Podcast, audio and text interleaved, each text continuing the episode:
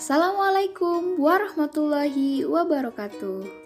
Halo teman-teman semua, ketemu lagi di pembelajaran kali ini. Kita akan belajar mengenai materi metamorfosis. Apa sih metamorfosis? Metamorfosis adalah suatu proses perkembangan pada hewan yang mengalami perubahan bentuk tubuh setelah kelahiran atau penetasan. Metamorfosis dibagi menjadi dua macam, yaitu metamorfosis sempurna dan metamorfosis tidak sempurna. Ciri metamorfosis sempurna antara lain mengalami perubahan bentuk yang sangat berbeda pada setiap tahap perkembangannya. Dan pada metamorfosis sempurna mengalami fase pupa atau kepompong. Beberapa hewan yang mengalami metamorfosis sempurna yaitu kumbang, lalat, semut, lebah, dan juga kupu-kupu. Kupu-kupu mengalami metamorfosis sempurna dimulai dari telur, ulat, kepompong, sampai menjadi kupu-kupu dewasa. Kupu-kupu berkembang biak dengan cara bertelur telur kupu-kupu menetas dalam kurun waktu 3 sampai dengan 5 hari.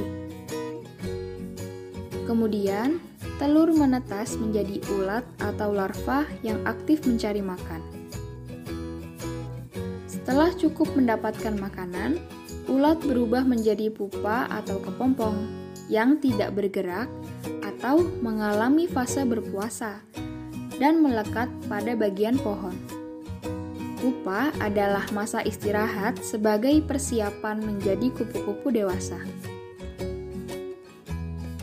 Setelah beberapa hari, kepompong akan berubah menjadi kupu-kupu yang sangat indah. Selanjutnya, ciri metamorfosis tidak sempurna, antara lain mengalami perubahan bentuk yang tidak berbeda atau hampir sama pada setiap tahap perkembangannya. Selain itu, juga melewati tiga tahap pertumbuhan dan perkembangannya, yaitu melalui telur, limfa, dan juga imago. Beberapa hewan yang mengalami metamorfosis tidak sempurna adalah jangkrik, kecoa, belalang, dan juga capung. Kecoa mengalami metamorfosis tidak sempurna karena mengalami tiga fase saja. Fase yang pertama adalah telur. Telur kecoa berbentuk seperti kapsul dengan ukuran yang kecil dan berwarna coklat pekat. Kecoa biasanya bertelur pada daerah yang kumuh. Telur kecoa memiliki bentuk cangkang yang keras dan tidak mudah pecah. Setelah telur menetas, maka akan menjadi nimfa atau bayi kecoa. Pada fase ini, bayi kecoa atau nimfa sangat rentan dan belum memiliki sayap. Nimfa juga mengalami berbagai pergantian kulit, sehingga menjadi seperti kulit kecoa dewasa. Namun, pada tahap nimfa sudah bisa mencari makanan yang ada di sekitarnya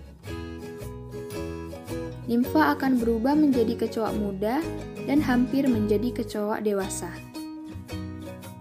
Sedangkan ciri dari kecoa dewasa ini yaitu memiliki sayap dan ukurannya lebih besar. Selanjutnya adalah latihan soal. Selamat mengerjakan. Wassalamualaikum warahmatullahi wabarakatuh.